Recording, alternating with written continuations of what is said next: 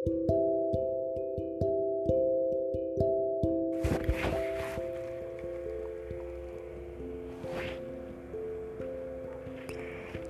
tidur tengah malam. Ini adalah pengalamanku yang ditertawakan olehnya.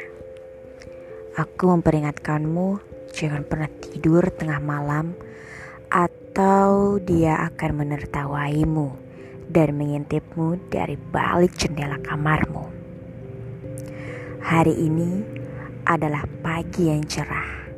Aku berangkat ke sekolah seperti biasanya diantar oleh ayahku dan aku masih kelas 1 SMA di salah satu SMA ternama dan aku mempunyai pengalaman horor ketika aku sedang mengerjakan tugas sampai tengah malam.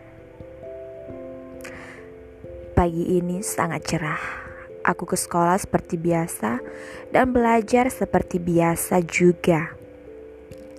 Ketika mata pelajaran terakhir akan selesai, guru memberikan tugas dan tugas itu harus dikumpul besok.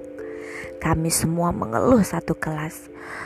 Bu, jangan besok lah, minggu depan aja ya, ucap temanku selaku ketua kelas. Iya bu, minggu depan aja, ucap teman sebangkuku. Iya, setuju, setuju, ucap teman yang lain.